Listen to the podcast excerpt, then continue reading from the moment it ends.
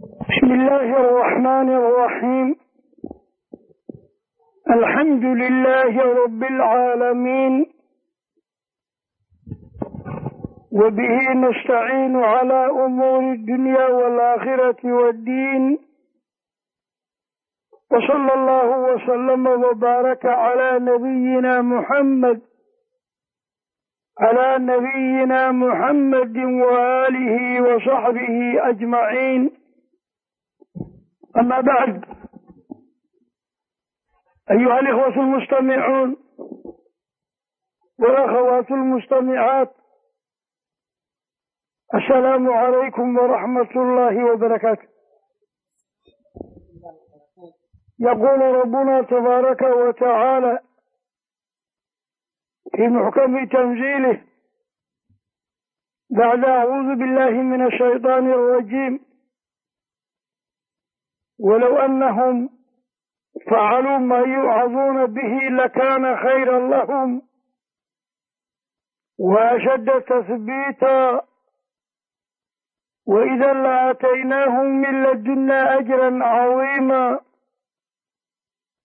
ولهديناهم صراطا مستقيما ومن يطع الله والرسول فأولئك faulaa'ika maca aladiina ancama allahu calayhim min annabiyiina wasidiiqiina washuhadaai wasaalixiin waxasuna ulaa'ika rafiiqa dalika alfadlu min allah wakafa billahi caliima walaalayaal allah le mahadsa u dhanta rasuulkeena suuban calayhi salaatu wasalaam baa abaal weyn inugu le culamaau lmuslimiin dadkii diinta nabiga ka dhaxlay dabadeedna sii kala dhaxlay ilaa ay ina soo gaartay maanta iyadoo hufan nadiifa hare usan ku galdoomin ayaa duciya ammaan mudan. Intaa kadib waxaan abaal weyn u hayaa kulankan qiimiga badan ee khayriga ah. Dadka abaabulay sheekh daawuud iyo inta la shaqaysa iyo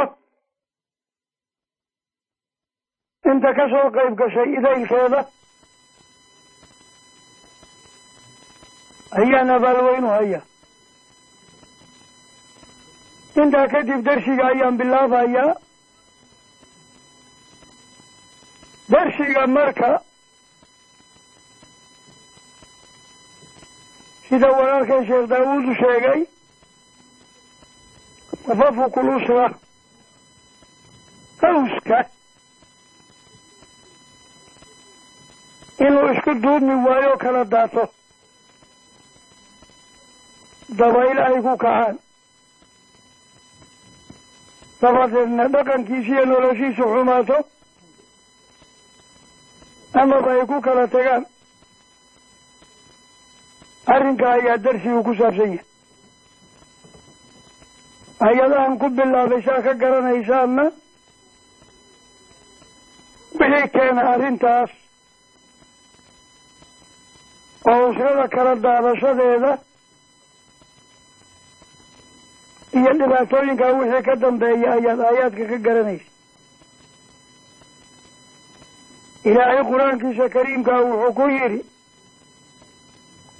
walow goor annahum dadka facaluu ay sameeyaan maa yuucaduuna bihi waxa lagu waarinayo dadka hadday sameeyaan lakaana khayra lahu saasaa u fiicnaan badnaan lahayd wa ashadda tasbiitan iyadaa daraan badnaan lahayd sugnaan la sugnaado oo xaqa iyo wanaagga lagu sugnaado wa idan hadday dadku ku sugnaan lahaayeen xagga iyo wanaagga laataynaahum waxaan siin lahayn min ladunaa xagga naga ajran abaalgud cadiiman weyn. Walaa hadaynaahum waxaaban ku hanuunin lahayn. Siraatan jid mustaqiiman toosano islaamka ayaanu ku hanuunin lahayn. Sida markaad aayaadka ka garanaysaan sidaad aayaadka ka garanaysaan waxalla waxa dhacee dhibaato ah dhammaanteed waxaa sababa mukhaalafo sharciya garabmar islaamka la garab maray ayaa dhibaato idaayikeed abuura. Naqsun fil iimaan dhaawac iimaanka ku jira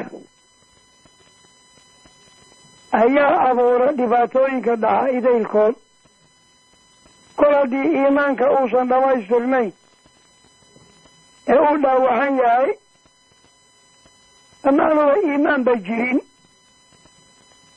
Kol haddii mukhaalafo sharciga la sameeyo rabbi iyo rasuul la garab maro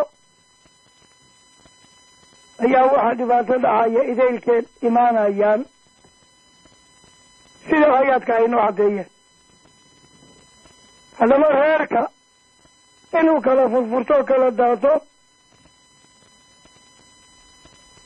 Arrimo badan baa keena. Laakiin waktiga yaraantiisa awgeed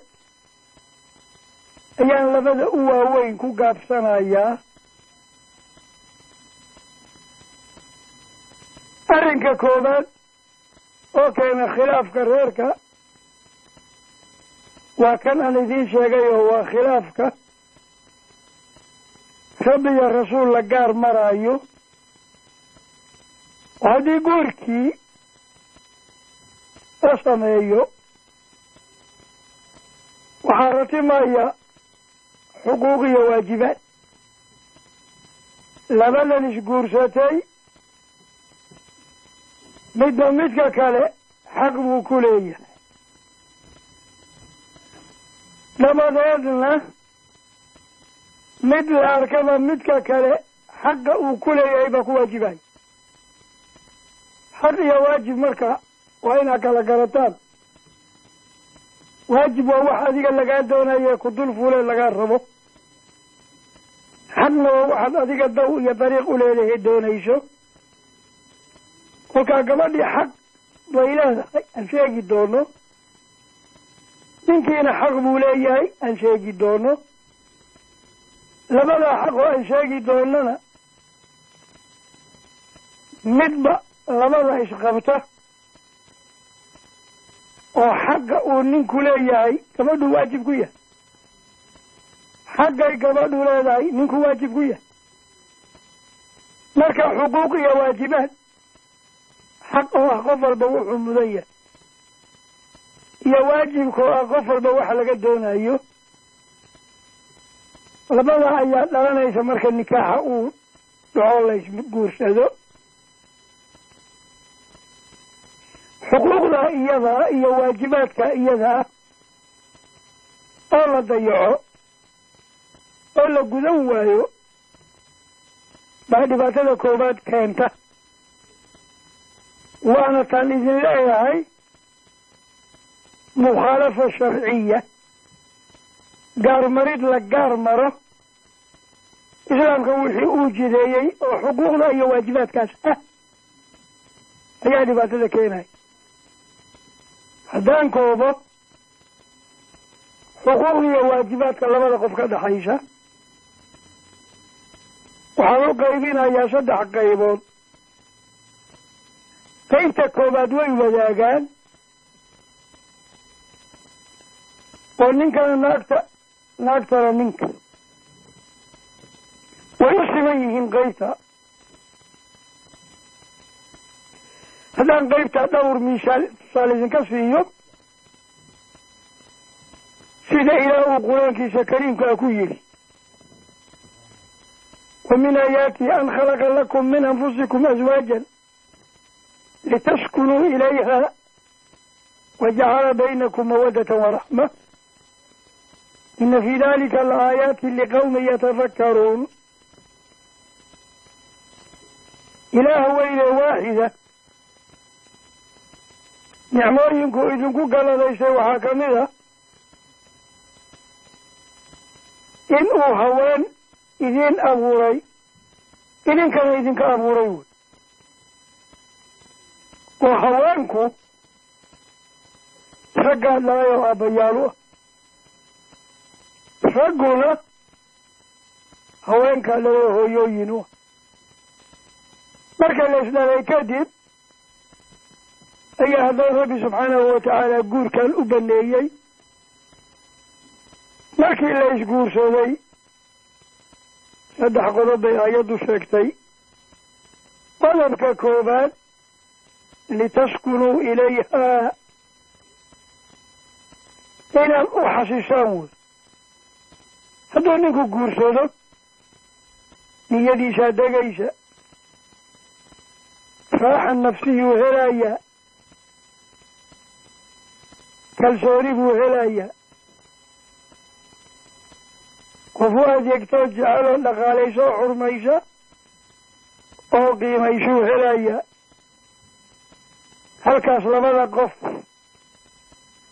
qofba qofka kaleu ku xasilaya waa qodobka koowaad litaskunuu ilayha. Qodobka labaad wajacala baynakum mawaddatan waraxma kalgahalo baa ilaahay labada qof dhexdooda dhigaya. Usan midna ogolay wax kaleba daayo in midka kale daqsi ku dega ma ogola. Dhibaato iyo xumaan iyo ceeb inay gaartaa ma ogola kolkaa kalgahalo baa alla dhexdooda dhigay. Kan saddexaadna waa raxma alla yiri naxariis ay isu naxariisanayaan. Baa alla dhexdooda dhigay. Saddexda aayaddu sheegtay xasilka iyo kalgacallada iyo naxariista xuquuq bayna zawjayn baa la yidhaahdaayo labada dhanba waa jirtaa xagga rag iyo xagga haweenka. Marka waa xuquuq la ysku leeyahay. Waxaa saddexda afar ku ah. Alixtiraamu almutabaadal istixgelin iyo qiimeyn la isdhaafsado.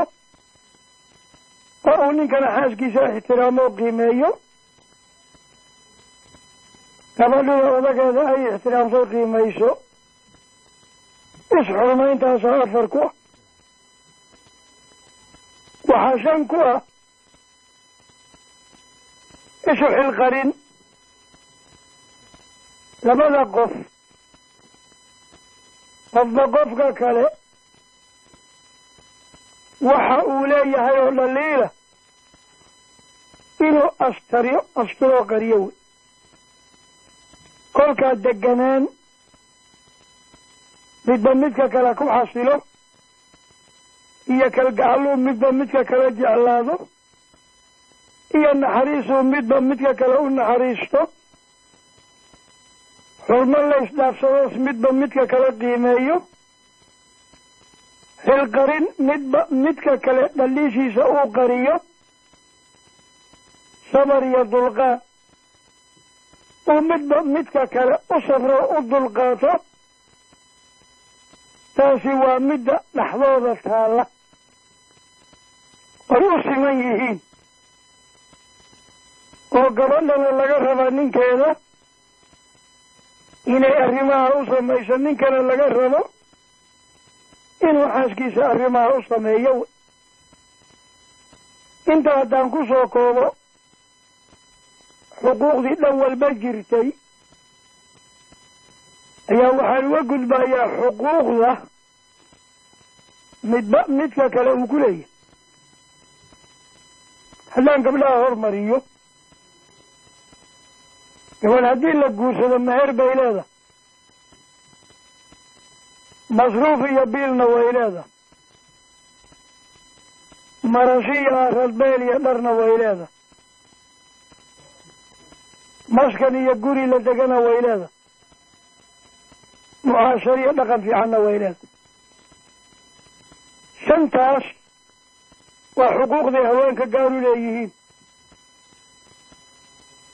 Waxaa marka shantaa xuquuqda ah ay haweenka gaar u leeyihiin. Waa waajib ragga dul fuula. Raggii waxaa laga rabaa inuu waajibka u guto si habsan gabadha meherkeedii inuu siiyo masruufkeediina uu siiyo marashadeediina uu siiyo maskankeedana uu siiyo. Mucaashariya dhaqan fiican sidii alla u yidhi waxaashiruuhuna bilmacruuf taana inuu siiyo wey xuquuqdaasi gabadhaa leh waxay waajib ku tahay odaga qaba. Sidoo kale ninka xaqiisa asamcu gabadhu inay maqasho wa daacatu warkiisa inay yeesho wa xifdu wuxuu ku aaminay u ilaaliso waa xuquuqduu ninku leeyahay uu kula leeyahay xaaska marka waa waajibka gabadha laga rabo inay ninkeeda maqasho. Warkiisana yeesho wuxuu ku aaminana u ilaaliso. Asaga marka ninka ah diinta islaamka xukunta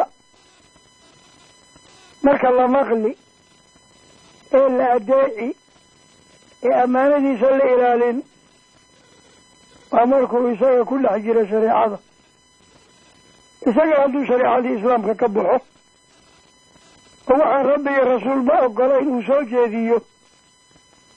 Laa samca walaa taaca maqlid la maqlaayo ma jirto. Warkiisoo la yeelaana ma jirto. Haddaba xuquuqda aan sheegnay iyo waajibaadka aan sheegnay haddii la ilaalin waayo tafakukul usra meeshay ka iman kow halkaa wey. Ninkii baa waajibkii lagu lahaa gudan waay. Gabadhii gabadhii baa waajibkii lagu lahaa gudan weyn ninkii baa dalbay wuxuusan xaq u lahay. Gabadhii baa dalabtay waxayan xaq u lahayn waataan xadidnay xuquuqdii waa sheegnay tii dhexdooda tiin iyo tii ay midba midka kale uu ku lahaa baynu sheegnay. Haddaba xuquuqdaas haddii aan la ilaalinin waajibaadka haddaan la gudanin kow meesha uu ka yimaado tafakukul usra een idinku iri ama naqsi fi liimaan iimaanka dhaawacan ama aanba jirin iyo mukhaalafa sharciya. Rabbi iyo rasuul waxay jideeyeen oo xuquuq bayna zawjayn. Oo la gaar maroo lagu gacan sayro ayaa keentay qodobka koowaad waa kaas.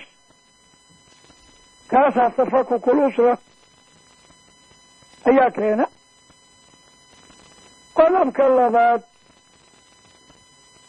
ee u weyn waxyaalaha tafakuka keena waa jahli. Jahli waa maxay waxaa weeye soomaalidu markay labadan isguursatay isguursanayaan sida xoolaha oo kale ayaa guurkaas wuxuu ku salaysan yahay jacayl ninkan naag buu rabooday naagtan nin bay rabootay rabiddaa la isragooday baa la isku guursaday labadooda midna ma yaqaan xuquuqda hadda aynu ka soo hadlayno xuquuq bayna zawjayn. Ma yaqaan ninka waxa uu xaq u leeyahay iyo waxa ku waajiba midna. Gabadhu ma taqaan waxay xaq ku leedahay iyo waxa ku waajiba midna. Jahliga aan laga aqoonin in la garanayn xuquuq bayna zawjayn baa isagana keenaya tafakuga oo ay labada qof xuquuqda isku leeyihiin iyo fadliga ay leedahay ayaan garanayn jahligaasna wuxuu keenaa xuquuqdii in la dayaco in la dumiyoon la ilaalinin dabadeedna meesha ay ka dhacdo tafakuk ulusta usradii inay kala daadato labadii waalid ay murmaan ubadkii ay ku indha kala qaadaan aabi iyo hooyo murmaaya dagaalamaya iscaynaya o isxaqiraya kolkaa haruurta ay daawato filinkaa qaabka daran colaad iyo cuqdo ay qaadaan. Xurmadii iyo baarinimadiina ay meesha ka baxdo oo ilmihii caasiyaal noqdaanoo ama habarta la colloobaan ama amay aabbihii la colloobaan marka colaada inay dhacdo xurmo iyo tixgelin la kala waayo jahligaas aan la aqoon diinta iyo xuquuqda laysku leeyahay. Iyo haddaan la ilaalin waxa ka ratimaya oo adduun iyo aakhira xumo ah ayaa abuura tafakuk ulusta haddii marka aqoon lagu saleeyo guurka oo intaanu guurka dhicinba labada qof ay yaqaanaan guurka iyo arrimihiisa. Fiqiga islaamiga wuxuu qabaa qofka qaybta uu markaa uga aadan yahay. Fiqiga uu doonayo inuu barto farmudaxa inay ku tahay. Qofka ganacsanayo waa inuu beec barto. Qofka guursanayo waa inuu nikaax barto. Xukunka iyo jaraaxaadka iyo dhibka kala gaaro dadka qiimigooda waa in qofka dagaal galaya ama waxa uu barto. Haddaba farmudaxa in laga tegay wey in la barto guurkiiyo hawlihiisa.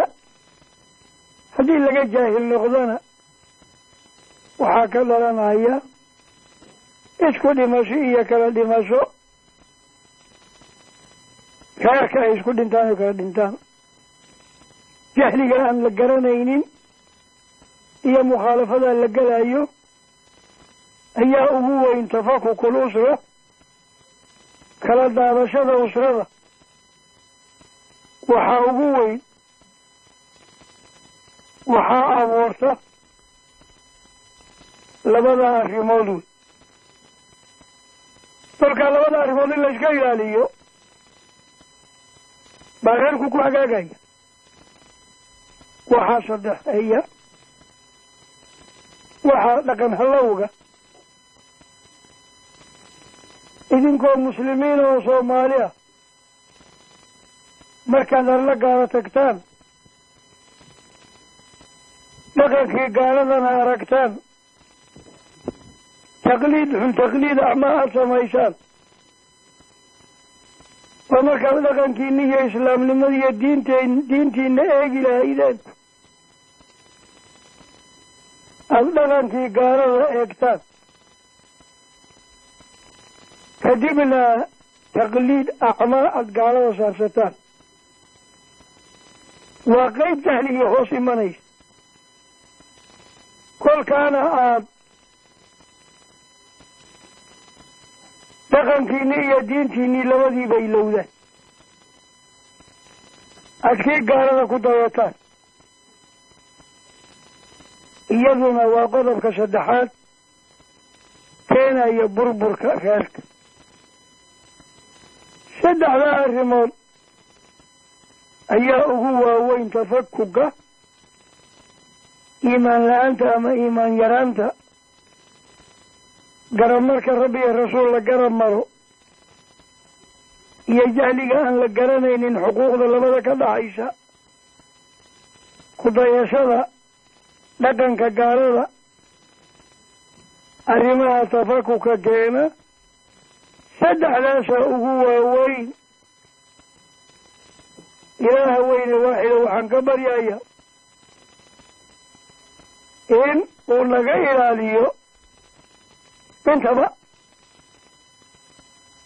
iimaanka inuu ilaah kaamil ka yeelo garamarka alliya rasuulna alla naga ilaaliyo jahliga iyo aqoon aqoon la'aanta alla naga ilaaliyo kudayashada gaalada iyo dhaqankeeda alla qiina haddaad horjooga imaam u noqoto darajo adduunoo taa ka saraysaay ma jirto sidaasaa rabbi inoogu laqino ammaantaa inoo baray. Ilaaha waayida waaxida waxaan ka baryaynaa inuu cafi iyo caafimaadna siiyo. Shar iyo shaydaanna naga qabto. Aakhiriyo adduunbana noo suubiyo shareecada kuwa ku toosan inaga dhigo aquulu maa tasmacuun washakara allahu xusna istimaacikum wasalaamu ullaahi calaykum waraxmatuh wabarakaatu